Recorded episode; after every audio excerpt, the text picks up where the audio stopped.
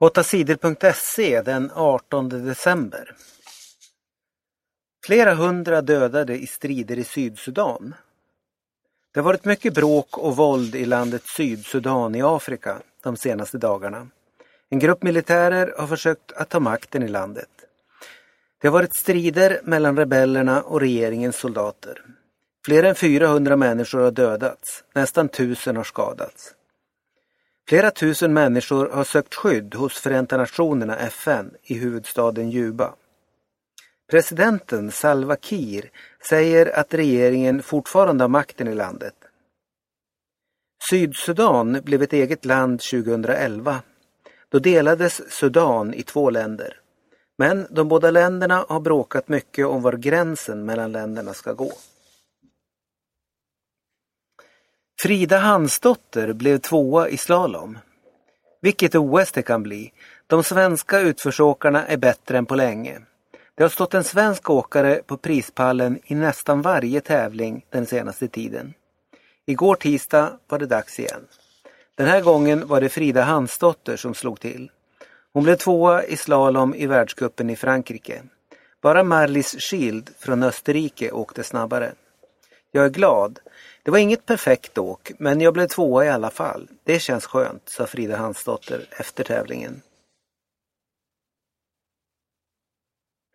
Ryssland hjälper Ukraina.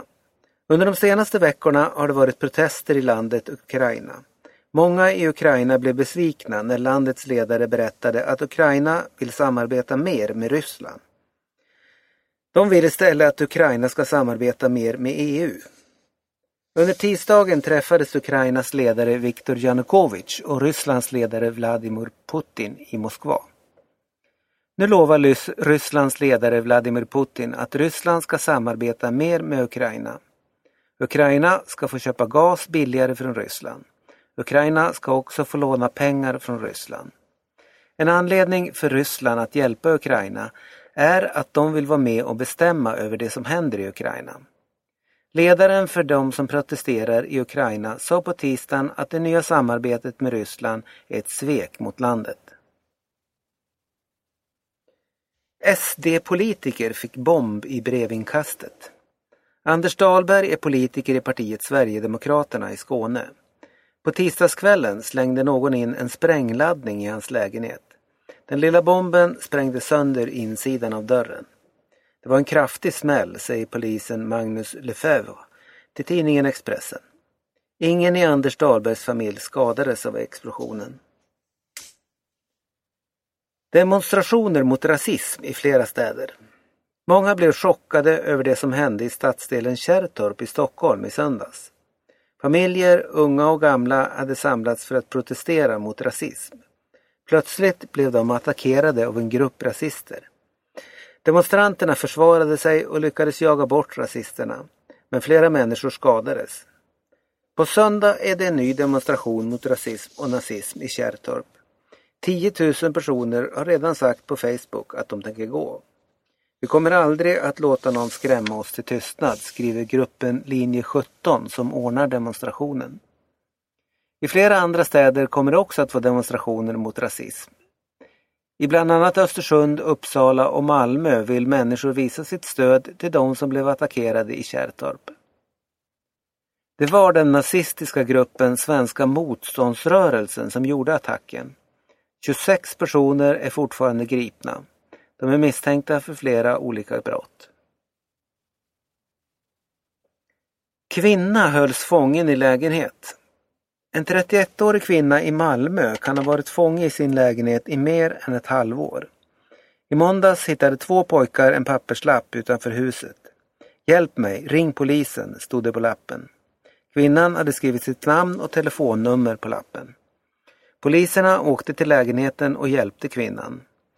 Hon säger att hennes man har slagit henne och hållit henne inlåst i lägenheten. Polisen har tagit fast hennes man. Han är misstänkt för flera brott. Nya bomber över staden Aleppo.